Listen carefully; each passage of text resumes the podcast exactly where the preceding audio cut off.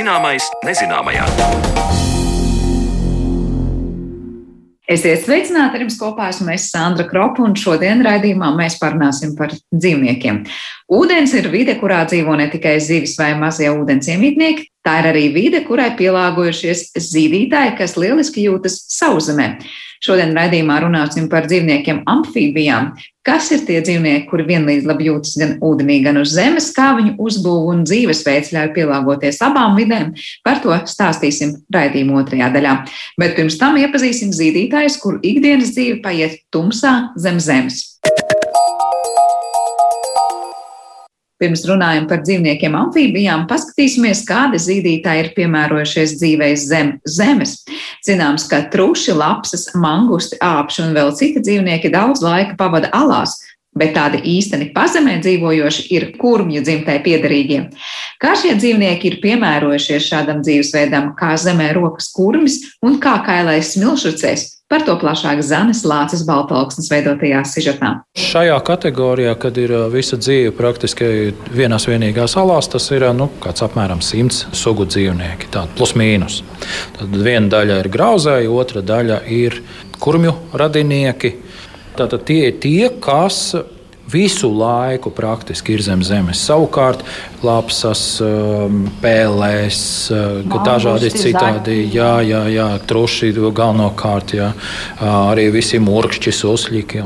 Tiem tā ir dzīves vieta, bet barošanās visa notiek virs zemē. Tā ir viņiem arī slēptuve, tā ir viņiem migas vieta, guļas vieta, bet visa barošanās notiek ārpusē. Tā skaidro Rīgas zooloģiskā dārza informācijas daļas pārstāvis Māris Lielkalns, kad izvaicāja viņu par tiem zīdītājiem, kuri ir piemērojušies pastāvīgai dzīvei zem zemes. Tātad kurmju un kurmžurku dzimtai piedarošiem dzīvniekiem. Zoodārzā var aplūkot eksotiskos grauzējus, kailos smilšracējus, kuru dzimtene ir Āfrikas austrumu daļa. Šiem grauzējiem nav kā žoka, tie spēj dzīvot niecīgā skābekļa daudzuma vidē, apveltīti lieliem zobiem, lēnu vielu maiņu, vāju redzi, izcilu dzirdi un tausti. Lai mēs varētu tā teikt, runāt par šiem zemzemes, ne, pazemes iemītniekiem, mēs esam šobrīd atnākuši šeit, Rīgas zoodārzā pie kailajiem smilšracējiem. Un tātad šos mēs te varam apskatīt, jo viņi praktiski visu mūžu pavada zem zemes, nepareizāk sakot, zemē iekšā dziļumā un ārā praktiski neiznāk. Ja arī iznāk, tad tas ir jaunu māju meklējumos, kad, piemēram, kāds izdomā kaut kur doties tālāk. Nu, savukārt, lai apskatītu kādus citus, kas arī ļoti labi daudz zemē dzīvo, tad tie ir jābrauc skatīties uz mūsu filiāli cīruļi. Tur dzīvo kurmji pļāvā, kur ir izraki. Nē, nu es domāju, kurmjus var apskatīt teju ik viens mūsu klausītājs, kuram ir kāds lielāks vai mazāks zemes laukumiņš, kur viņš ir ierīkojis dārzu, un ja kurmi ir apsēduši, tad tur. Bet mēs nerunāsim šoreiz par kurmju iznīcināšanas metodēm, bet proti, kā šie dzīvnieki ir spējuši pielāgoties Jā. tik cilvēku prātu netipiskai videi, dzīvošanai zem zemes augsnē. Protams, šeit ir ļoti būtiska lieta. Tas ir eh, jāizvēlās pareizā augsne. Pirmkārt, kas ir pietiekami stingra, lai nesadruptu, tā teikt, neuzkristu jumts uz galvas. Otrām kārtām, pietiekami arī mīksta, lai tur varētu tā tikt iekšā. Un arī nebūtu pārmērīgi blīva, kā vienkārši tur tās gaisa cirkulācija būtu arī krietni mazāka. Daudz dažādas lietas jāņem vērā šiem dzīvniekiem, lai viņi varētu izvēlēties vietu savai alu sistēmai. Tātad, ja mēs kādreiz redzam kurmi staigājam pa virzēm, tad tas nozīmē, ka šis dzīvnieks ir jaunu māju meklējumos. Jā, tā tas tiešām ir. Tie pārsvarā ir nevis tie vecie kurmi, kuriem ir vecajā mājā apnicis un viņi grib jaunu dzīvi un jaunas alternatīvas. Jā. Tie ir tie jaunie kurmi, kuri tā teikt šķirās no vecāku mājām un saka, man ir jāiet ceļā un jādodas jaunās mājās, meklēt. Nu, tad viņi vairākus simtus metrus arī pat garākas distances, pa nakti, pa tumsiņu. Pārsvarā jā, tā tad arī još pa mežu. Nu, tad, tur, kur atrodas ļoti laba, piemērota augsne, tur viņš mēģina ieurpties. Ieurpties, nevis ierakties, ņemot vērā viņa ķepu. Nu, jā, tas ir kā urbja tās malas, vai ne? Bet tās urbju veida, ja, tas trīsstūrveida, konus veida tas deguns, ja, tas palīdz jau pirmos pasākumus veikt un tātad iekļūt zemē. Nu, un, protams, ar šīm kājām, varenajām kājām, kas ir aprīkotas ar milzīgiem, spēcīgiem nagiem un pirkstiem, tātad ar tiem viņš arī šo teju paplašina. Cik parasti ir vidēji, cik kurmi dziļi rokas un ierīko to māju vietu? Nu, jāsaka tā, viņš jau dzīvo tur, kur ir ko darīt. Un tas, kur ir ko darīt, tas ir pirmām kārtām jau viņa barības lauki. Tad kurmis ir gaļēdājs, tātad gan tārpiņi, gan sliekas, gan kāpuri, gan arī kādi grauzēji. Un šo viņš visu ņem un ēd. Tāpēc augsnes virsējā kārtā, tas ir druscītīs zem zemes, tur ir tās viņam tās barības ejas. No turienes viņš savāc šo barību. Un Protams, jā, viņš regulāri apstaigā šo savu teritoriju, skatās, kur ir jā, sakritušas sliekas, piemēram, iekšā tajā salās. Tad ar tām viņš arī barojas. Nu, protams, otra lieta viņam ir arī šīs staigājamās ejas un uh, dzīvojamās telpas. Nu, tās atrodas dziļākos slāņos, bet uh, barības ejas, barības galds atrodas tuvu virzemē, tur, kur ir tā auglīgā daļa, un tur, kur arī tā barības dzīvojas. Šī intervija notiek, mēs ierakstām pie jau pieminēto kailo smilšracēju ekspozīcijas. Te ir rakstīts, lai šiem dzīvniekiem zeme neiepirst mutē, to slēdz lūpu krokas. Un tad mēs arī mēs skatāmies uz kurmi, kam mazas, mazas atstiņas. Arī šis dzīvnieka izskats ir piemērots, ārējais veidols tur dzīvošanai. Atšķirībā no kailās milšacēja, kurmim ir kažociņš īss kā žociņš, kurš ļoti labi pakļaujās gan uz vienu pusi, paliecās gan uz otru pusi. Atbilstoši padodas vai nu uz priekšējot, vai atpakaļējot. Un paliecās uz vienu vai uz otru pusi. Uz ķermeņa ir daudz taustes matiņu, kas palīdz orientēties šajā tēlu sistēmā un saprast, kur ir kaut kāds šķērslis vai kaut kas tam līdzīgs. No acis jāpievēr cietera, bet kailēm, smilšacējam un kurmiem ir citādas strādāšanas tehnoloģijas. Ja kailais smilšacējs ļoti daudz teiksim, šo te cieto ar saviem zobiem izgrauž, Tieši tāpēc viņiem ir tādi šausmīgi lieli zobi, priekšējie zobi, salīdzinot ar savu pārējo ķermeni. Nu, līdzīgi kā bebram. Jā, mazs smilšracējs, jā, un lieli, milzīgi zobi. Nu, apmēram kārtīgas peles vai, vai nelielas peles lielumā, atkarībā no vecuma. Nu, un iedomājieties, kādi 2-3 cm gari zobi. Nu, tad eh, cietākas teiksim, augsnes viņš ņem un ar eh, saviem zobiem grauž. Grauž, grauž, grauž, un tāpēc tam ar kājām dzen uz aizmuguri, kur jau gaida nākošais smilšacējs, kurš pēc tam šo smilti atkal vai, vai, vai augsni dzen atkal tālāk, līdz beigu beigās pēdējais izmet šo virspusē. Un tātad šiem smilšacējiem nemaz nav tādas milzīgas priekšējās ķepas, kā teiksim, kurmim. Kurmim tas ir masīvas, maktenas. Vēl runājot par kailo smilšracēju barošanos, kā grauzējiem viņu pārtika ir dažādu augu saknes, konkrēti sakņu bumbuļi. Tātad arī maltītes tie ietur pazemē, un arī šo dzīvnieku vielmaiņa ir piemērota zemzemes videi. Kailais smilšacējs ir ar pazeminātu ķermeņa temperatūru. Tas nozīmē, ka viņam tā vielmaiņa ir lēnāka, Un līdz ar to arī nav nepieciešams tik daudz gan skābekļa, gan zināmā mērā arī barības. Un, ja gadījumā paliek augstāks, tad vai nu viņš noliena zemes dziļākos slāņos, kur ir piemēram siltāk, vai arī tad, kad uh, grib sasildīties karstā vasaras dienā, nu, tad viņš izlien virsējos slāņos, alu virsējos slāņos, ja, kur ir siltāks, un tad arī sasildās. Kā jau sākumā minēju, sliktā redze, bet laba oža, dzirde un tauste arī ir faktori, kas ir nepieciešami dzīvojot iekšā zemē. Tāpat arī elpošanas sistēma gan kurmju, gan kurmžurku dzimtai ir pielāgota videi ar nelielu skābekļa daudzumu. Dzīvojot zem zemes, protams, ir daudz dažādu ierobežojumi. Tur ir, protams, visai švaki ar gaisu, ar skābekli. Nu, un, lai risinātu šo jautājumu, tad šo grupu dzīvnieki ir patiešām pielāgojušies. Viņi salīdzinoši ļoti unikāli, jo var izdzīvot, nu, ja tā var salīdzināt ar cilvēku, bezgaisa telpā.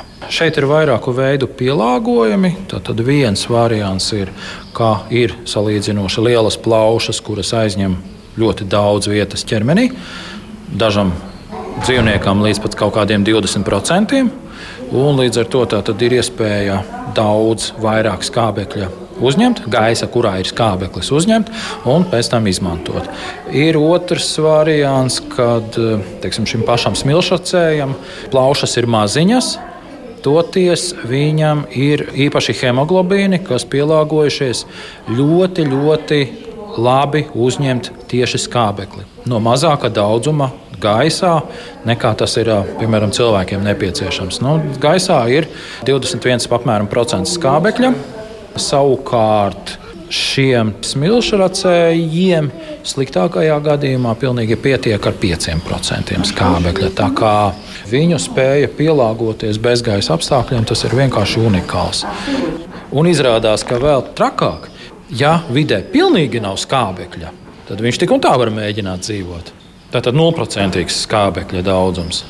Tad, protams, organisms uzreiz reaģē un viņš kā, iekrīt no anabiozē vai, vai, vai pilnīgi beidz eksistēt. Kā.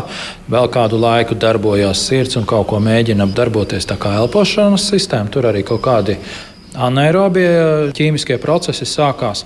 Bet pēc 18 minūtēm, ja viņš šajā laikā dabū kaut kur ieelpot tādu gaisu, viņš pēkšņi pamostās un, un jūtas, kā nekas nav bijis.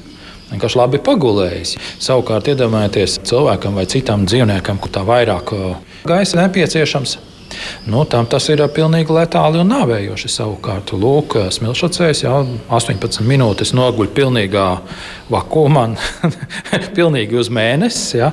Nu, un pēc tam dabūjis gaisa malku, viņš atkal var celties augšā, iet tālāk, it kā nekas nebūtu bijis. Tad es saprotu, tas ir raksturīgs tikai šiem kailajiem smilšacējiem, kurmiem un kurmveidīgajiem. Tomēr ir vajadzīga elpojoša augsne, bet viņi arī var dzīvot ar to skābekli, kas nu, nu, caur augsnē. Nu, tā vai citādi jau smilšacējiem arī, protams, vajadzīga šī elpojoša augsne, jo it īpaši teiksim, pēc uh, lietus, kad uh, zeme paliek mitra un uh, tā gaisa caurlaidība ir krietni mazāka, protams, ka skābekļa saturs samazinās. Bet visi šie te, kas visu laiku laiku pavada zem zemes praktiski visu laiku. Viņiem um, ir spēja izdzīvot arī tad, ja šī skābekļa daudzums ir krietni pazemināts. Arī tiem zīdītājiem, kuri daļu savas dzīves pavada alās, asins sastāvā esošais hemoglobīns, kas piesaista skābekli, darbojas daudz intensīvāk, lai šie dzīvnieki, esot pazemes miteklī, varētu iztikt ar mazāku skābekļa daudzumu, tā bilst Māris Lielkalns.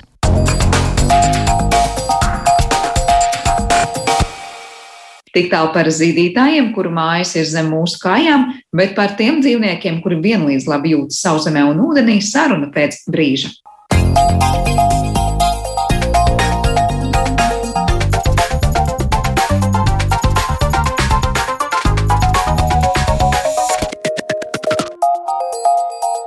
Zināmais nezināmajā. Ūdens vidē cilvēks ir tikai ciemiņš, un arī tad uz ļoti īsu brīdi. Taču ir dzīvnieki, kuri vienlīdz labi jūtas gan uz sauszemes, gan ūdenī. Vienotru šādu dzīvnieku amfībiju itin labi pazīstam, taču ko zinām par to spēju uzturēties abās vidēs? Kāpēc evolūcija ir radījusi šādus universālus ūdens un sauszemes iemītniekus? Par to šodien mēs vairāk runāsim ar mūsu viesi, zoologu valsts meža zinātnes institūta silo vadošo pētnieku Jāni Ozoliņu. Labdien! Labdien! Jā, nu vai Latvijas dabā mums ir daudz tādu nu, dzīvnieku sugu, kurām vienlīdz labi ir justies gan uz, gan uz sauszemes, gan ūdenī? Vai mēs esam tādā ziņā, teikt, nu, drīzāk specifiskus gadījumus atradīsim Latvijas dabā? Savā ziņā mēs varam teikt, ka mums ir daudz šādu sugu, un lai arī mana specialitāte ir zīdītāji, tad nu, var teikt, ka ļoti arī daudzās citās taksonomiskās grupās netrūks sugu, kas eh, ir specializējušies dzīves eh, veidam tieši nu, uz to divu bīžu eh, vai, vai, vai vidas, jeb, kā zinātnieki saka, ekotona robežas. Un tas nenozīmē tikai to, ka viņi veiksmīgi prot pārvietoties gan ūdenī, gan uz sauszemes, bet gūst kaut kādu, nu, sauksim to par labumu, kaut kādus resursus, kaut kādus savai dzīvei obligātus priekšnosacījumus, tieši atrodoties šajā vidē un pārmaiņas mainot gan ūdens, gan sauszemi nu, savā ikdienas gaitās. Par to specializāciju nu, viņi ir ļoti dažādās pakāpēs, jo, ja mēs pieturamies pie zīdītājiem, tad, protams, pielāgojumi dzīvei ūdenī ir nu, diezgan atšķirīgi. Ja, ja mēs skatāmies Latvijas sugas, nu, mums vaļi, nē, nu, ir mums sūkdelfīns arī skaitās mūsu faunā. Tā ir zīdītāja suga, kas ir pilnībā atdevusies ūdenim, ja tā var teikt. Un nu, tad varētu sarindot tādā dilstošā secībā, kas varbūt mazāk mm, tieši ūdens, nu, no ūdens vidas atkarīgi, tie ir roņi, kuriem jau lai vairotos, lai laistu pasaulē un zīdītu mazuļus, ir nepieciešama sauszeme, vaļiem tā nav nepieciešama. Nu, tad tālāk ir ūdri, bebri, kam ūdens ir nu, gandrīz vai pilnīgi nepieciešama, arī ūdeņu strupasts, jeb ūdeņžurkas, kurām arī vairošanās periods ir saistīts ar ūdens klātbūtni. Nu, un, un tad nu, faktiski ļoti daudz zīdītāju labprātāk uzturās uh, ūdens tilpi, iekšējā ūdens tilpi tūmā vai, vai teču. Uh, nu, teiksim tā, ka lielu daļu savas dzīves pavada tieši piekrastes tūmā.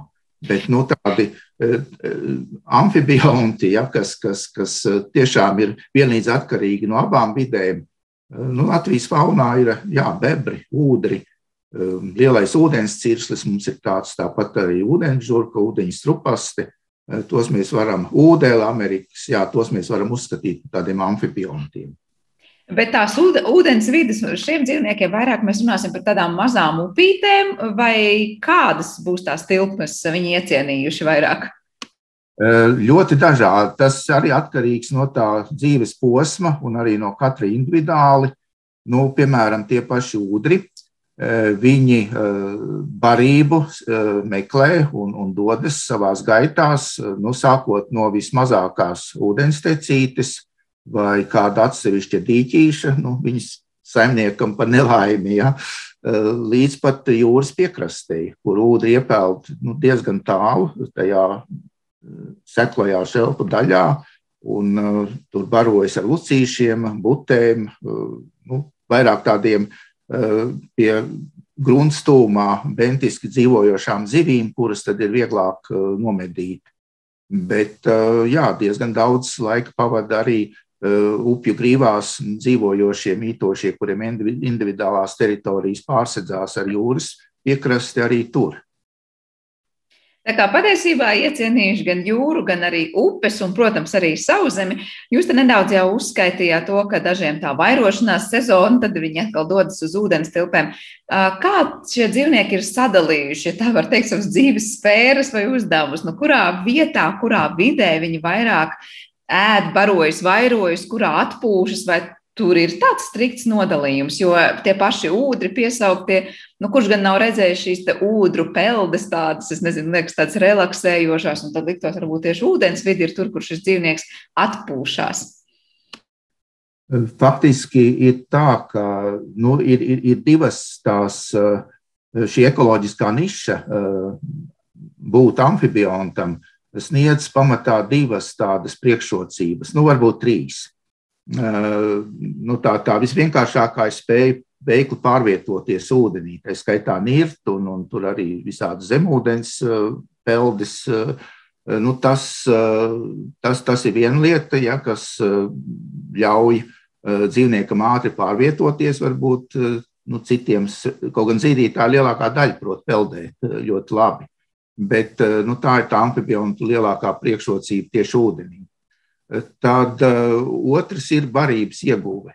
Nu, ūdri, arī Amerikas ūdens, arī lielais ūdens cirslis.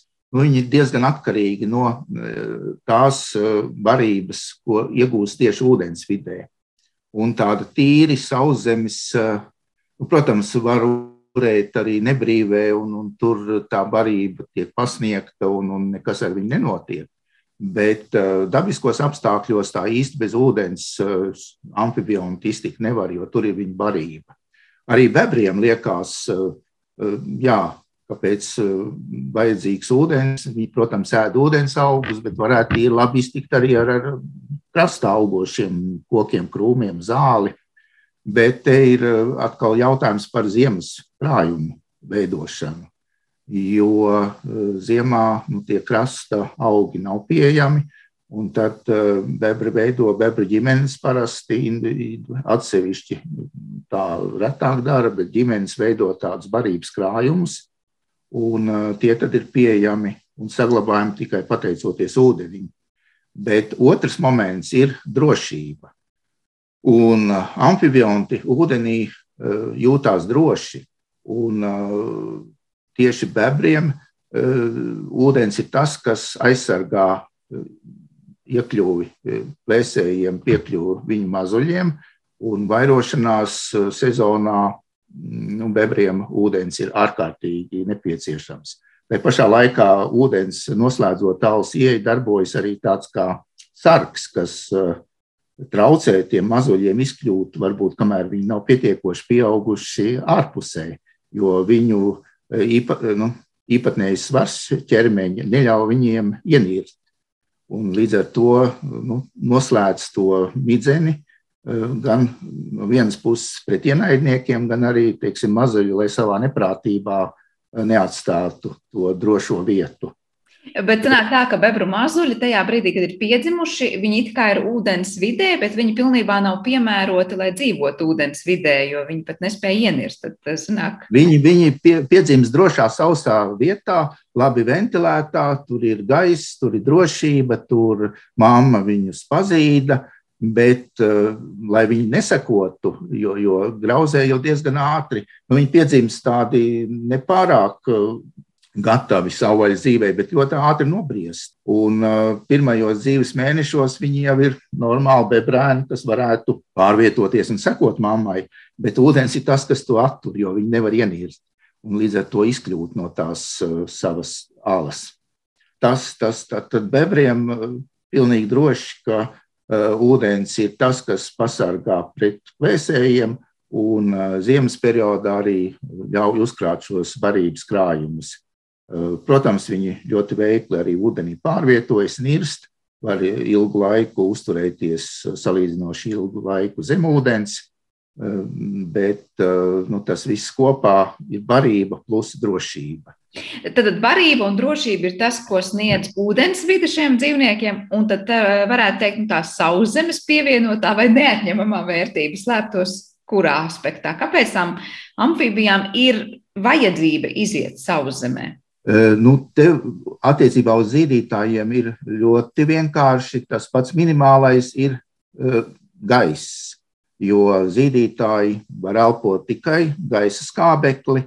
Pat vaļiem, ja nav piekļuve ūdens virskārtei, iznirt un, un, un ieelpot pa laikam šo gaisa skābekli, nu, dzīve vienkārši nav iespējama.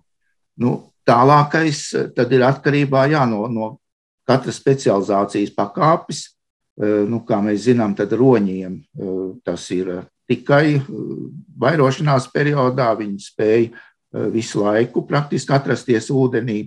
Savukārt bebri, ūdri, viss ilgstoši ūdenī atrasties nespēja vienkārši tāpēc, ka viņiem ķermeņa temperatūras regulācija nav attiecīgi nu, pielāgota tam. Bebram vēl kaut cik ir attīstīts tauku slānis, bet, piemēram, ūdriem eh, zemāts tauku slāņi gandrīz vai nav. Un viņa ķermeņa temperatūru, atrodoties ūdenī, nodrošina apmetojums. Un eh, tāpēc ik pa laikam, kā pats minimums, ir nepieciešams nu, teiksim, reizi pāris minūtēs izkāpt no ūdens, nopurināties, izpurināt kažoku. Ideāli, ja var izvārtīties sausās smiltīs, vai, vai kādos praulos, vai, vai kaut vai sausā zālē.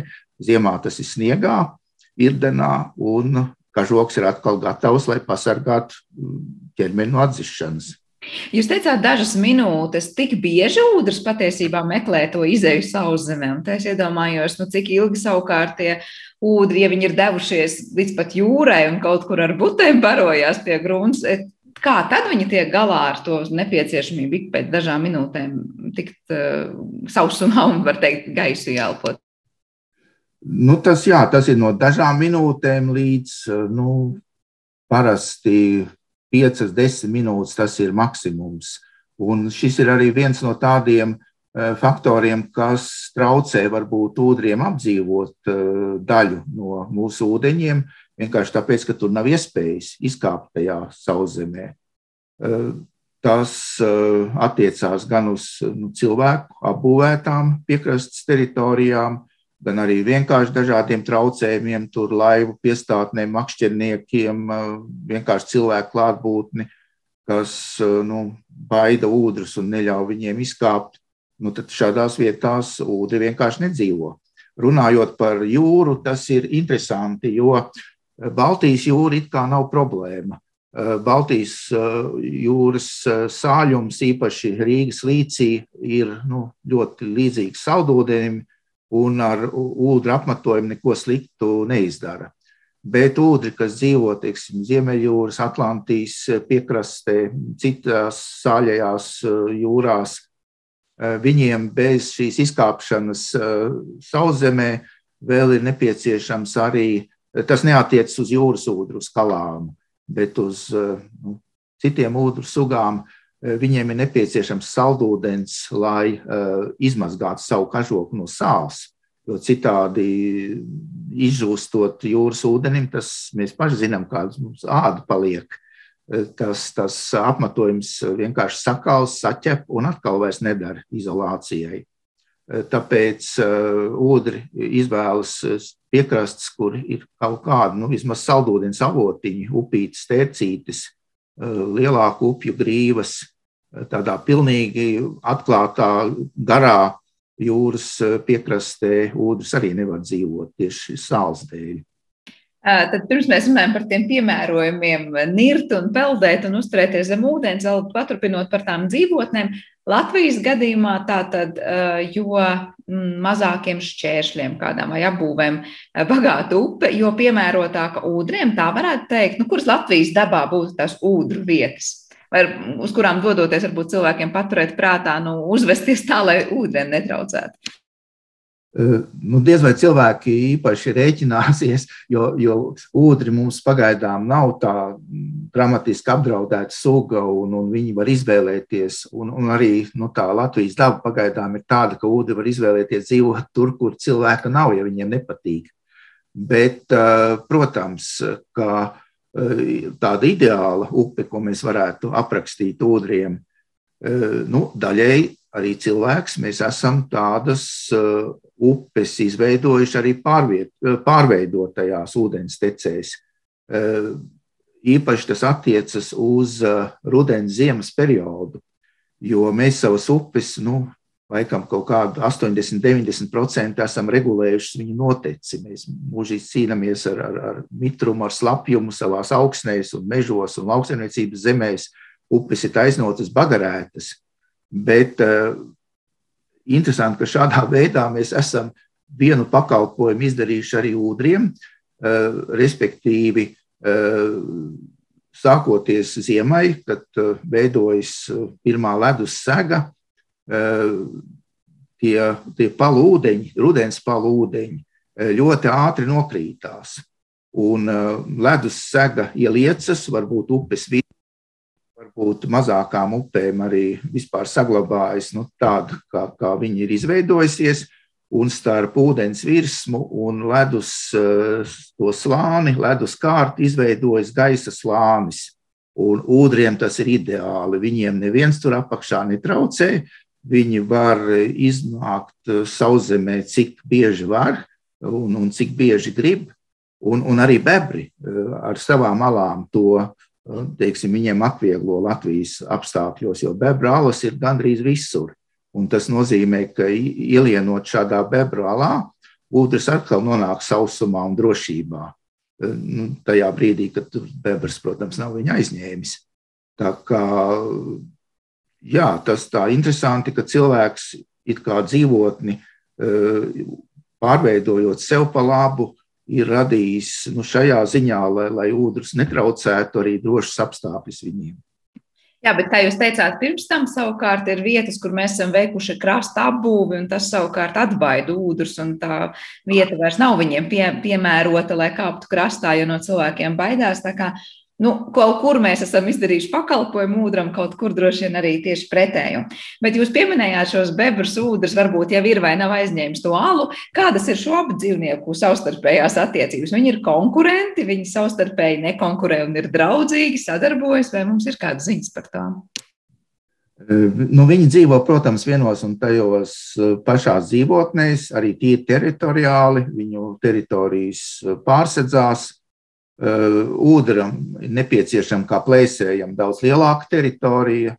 Bebra dzīvo tādā šaurākā, teritoriāli norobežotākā iecirknī. Bet, protams, bebra mazuļiem teorētiski ūdens varētu būt arī ienaidnieks, plēsējs, bet nu, tā ietekme ir tikai gadījuma raksturs un, un tā neietekmē bebra populāciju būtiski.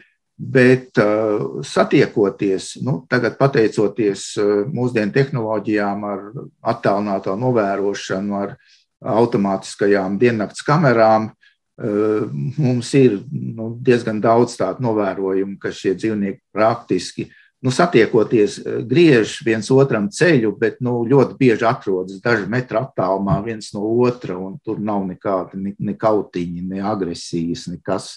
Tā kā viņi ļoti labi satiek. Jā, nu, kā saka, jā, jādala tā dzīves telpa kopā, un kamēr to var izdarīt, tikmēr arī labas attiecības kaimiņos abiem. Parunājot vēl par to piemērotību ūdens vidējai, protams, jau kažoku piesaucāt, un mēs bieži esam dzirdējuši, ka tieši kažoks ir tas, kas ir īpaši piemērots šiem dzīvniekiem dzīvē ūdenī. Parasti arī ķepas un to, kādas tās ir izvietotas. Vai tā ir tiesa, ka ūdriem ir īpaša spēja nu, aiztaisīt savas nāsas ciet tā, lai ūdens neieiet tajās iekšā, un pēc tam patiesībā ļoti, ļoti lēni pūst ārā to savu gaisu, peldot, viņš patiesībā sevi pasargā no tā, ka tas ūdens iet tālāk. Kādas ir tās piemērotības prasmes vai evolūcijas laikā izstrādātās spējas šiem dzīvniekiem nu, būt tādiem labiem nirējiem un peldētājiem? Jā, pilnīgi pareizi. Gan ūdriem, gan bebriem, gan visdrīzāk arī visiem pārējiem amfibiskajiem zīdītājiem ir ārējo atveru tādu noslēdzoši, pie tam tas ir, nu, tas netiek inervēts no galvas smadzenēm, tas notiek uh, pilnīgi automātiski uh, ienirstot, uh, ir tādas jā, klapes vai vārsti, vai, vai kas noslēdz gan nāsis, gan, gan ausu atveris, gan tas ir. Vēl runājot par niršanu un elpošanu, ir, protams, liels eh, plaušu tilpums, eh, nu, diezgan sarežģīta tā plaušu iekšējā virsma, lai pēc iespējas efektīvāk izmantotu ieelpoto gaisu. Asinīs, muskuļos ir daudz hemoglobīna, mioglobīna attiecīgi. Nu jā, varbūt kāds kādreiz nācies redzēt vaļu vai, vai valzirgu gaļu, ka tā ir ļoti tumši sarkana, gandrīz lilā, un tas ļoti daudz mioglobīnu tur ir tajos muskuļos. Tas viss, jā, lai, lai varētu ilgstoši pavadīt zem ūdens, nu, ūdens var nu, vairākas minūtes pavadīt ieniris, ne tikai tā kažoka samirkšanas dēļ, bet ir, lai, lai elpošana nu, atjaunot, atkal pēc tam uh, uznirstot. Bet tā uzniršana var nu, teiksim, būt tikai tāds ātrs gaisa iešņauciens un atkal pazust, teiksim, briesmu situācijā. Um, šie dzīvnieki apbrīnojami ilgi un tālu var nopeldēt zem ūdens. Bebras pat vēl ilgāk, jo būdams grauzējs un, un uh, tāds, nu, varbūt netik veikls uz sauszemes, viņš uh, var, var ļoti ilgu laiku pavadīt, pat līdz 15 minūtēm, neelpojot zem ūdens. Otrs, ka šiem dzīvniekiem ir diezgan nu, ierobežots iespējas ar redzi, atrodoties zem ūdens, jo ūdens arī var būt dažādās pakāpēs duļķains. Un, Protams, tas trešais, saucamais trešais plaksiņš ir attīstīts, kas aizsargā acis ķermeni no ūdens kairinājumiem un visādiem mehānis, mehāniskiem varbūt bojājumiem.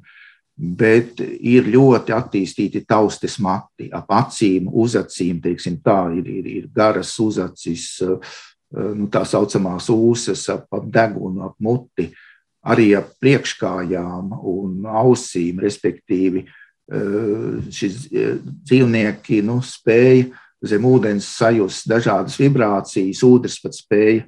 Nu, ir eksperimentos, eh, varbūt kādam liksies, ka tie ir tādi nežēlīgi eksperimenti, bet ir pārbaudīts, ka jau ūdram nav iespējas atvērt acis, viņš vienalga spēja noķert zivi, pamatojoties tikai uz ūdens vibrācijām.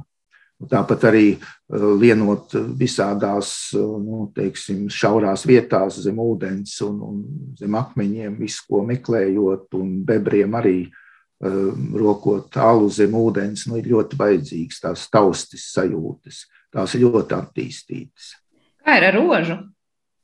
Oža ļoti laba, bet nu, oža darbojas lielāko tiesu, protams, nu, gaisā, bet interesanti, ka šiem dzīvniekiem eh, oža daļēji eh, darbojas arī ūdenī. Eh, nu, tieši oža varbūt tā kā ožas receptori tomēr ir vairāk saistīti ar tādu gaisa, nu, to molekulu spēju uztvert. Tad ļoti iespējams, ka ožu zem ūdens uzlabo arī tie gaisa burbulīši, ko ik pa brīdim izlaiž pa nāsīm. Uh, un, un, un jā, tur ap, ap lūpām, ap nāsīm atrodas arī receptori, kas spēj nu, teiksim, tā, saost to uh, smaržu, kas piemīt ūdenim. Jo arī šādā veidā uh, nu, ūdeni ir apbrīnojami spējīgi uh, atrast vietas, kur ir zivis. Teiksim, pastāv tādi novērojumi, ka ūdens sāk apmeklēt tādu mazu dīķīti, tieši tad, kad tur ielaiž zivis. Jo nu, to gandrīz grūti izskaidrot savādāk, kā, kā viņš sajūt ūdens smaržu, kas tek no tāda dīķīša, kurā ir zivis. Jā, brīnojami spēja sajust savu apkārtējo vidi arī ar, ar rožu. Izklausās, ka ir ūdrēm. Par tiem gaisa burbulīšiem es lasīju, ka patiesībā cilvēkam nav nemaz tik viegli redzēt ūdru, bet ja kāds ir nezinu, kādas mazas upītes krastā un klusi un mierīgi vēro, ka ūdens spēl, tad it kā šos gaisa burbulīšus mēs varot redzēt, mm, neredzot pašu dzīvnieku. Cik ļoti jābūt veiksmīgam un laimīgam redzēt ūdru, cik ļoti tas ir tāds, nu, no cilvēkiem izvairīgs un slēpties spējīgs, vai, ja jā, mēs varam to redzēt, kurš ir tas labākais un pateicīgākais laiks to darīt? Ūdru redzēt, protams, ir veiksmes jautājums Bet uh, tas, kādēļ mēs viņu neredzam, nav tikai piesardzība, jo ūdens nemaz nav tik ļoti. Protams, viņš nekāps uh, laukā visdrīzāk piekrastē, kamēr tur atradīsies cilvēki. Bet tāds pārmērīgi piesardzīgs viņš nav. Bet uh, ūdru populācijas nav blīvas. Uh, vispār uh, arī šiem amfibiontiem kopumā nu, nav raksturīga tāda liela koncentrēšanās. Protams, ir ūdri arī, kas dzīvo citās valstīs, citās sugās, kas dzīvo ģimenēs un grupās. Tos novērot ir, piemēram, Āzijā vai, vai Dienvidamerikā, ir daudz nu, teiksim, lielāka iespēja. Bet mūsu ūdri ir tādi vientuļnieki, kas ir nu, labākā gadījumā, jūs varat kopā redzēt vai nu pāri viņu tajā riestošanas laikā vai ūdru uh, māmu ar mazuļiem. Un tad uh, peldot ūdru var redzēt daudz biežāk, uh, krastā iznākošu nu, diezgan reti. Bet, ja jūs nodarbojaties ar ūdens turismu, laivošanu un tādā nepārāk lielā skaļā grupā, tad jums ir lielākas iespējas. Ja jūs esat makšķernieks, tad jums arī ir diezgan liela iespēja. Un es esmu pārliecināts, ka gandrīz katrs tāds nu, Eh, cītīgāks ūdens turists vai makšķernieks Latvijā ūdri redzējis. Varbūt neapzinoties, bet, Bet kaut kur ceļi ir krustojušies. Vēl noslēdzot mūsu sarunu par šo dzīvnieku amfibiotu vietu vispār ekosistēmā runājot, vai mēs te varam teikt, Nu, viņi ir tādi, kas ir atraduši tās izdzīvošanas iespējas un, kā saka, paķēruši to labāko gan no sauszemes, gan no ūdensvidas, lai spētu izdzīvot un, un gan sevi pabarot un būt drošībā, gan radīt pēcnācējus. Vai mēs runājam arī par tādu no nu, viņu īpašo lomu, kas ļauj mums uzturēt kaut kādas noteiktas dzīvotnes, noteiktā kvalitātes eh, līmenī, vai savukārt varības ķēdē ir kaut kāda ļoti noteicošais posms? Kā jūs raksturot viņus? Eh, nu, vispirms, amfibiontu klātbūtne mums ir ļoti būtiski viņu pieskatīt. Jo kaut kādas izmaiņas, būtisks kaut kāda pavērsieni amfibiotu populācijas stāvoklī eh, mums liecina nu, uzreiz par divām lietām. Gan par pārmaiņām ūdensvidē, gan par pārmaiņām sauszemes vidē. Un, eh, ja ar amfibiontiem kaut kas gadās, eh, kādas negatīvas pārmaiņas, nu, viņi tā kā dubults signāls. Tas, ka viņi barojas un viņu barības teiksim, piramīda lielā mērā ietver ūdens organismus, runājot par plēsējiem, bet daļai arī par bebriem, jo mm, ūdens augi arī viņiem tomēr ir diezgan būtiski. Uh, arī daudz no, nu, liecina par vidas pārmaiņām. Nu, interesanti, ka tādas vispār zināmas, nu, nepārāk labas teiksim, bioloģiskās daudzveidības izpratnē vidas pārmaiņas kā ūdeņu eitrofikācija Eh, ja tā nav saistīta ar kaut kādu toksisko piesārņojumu līdzās.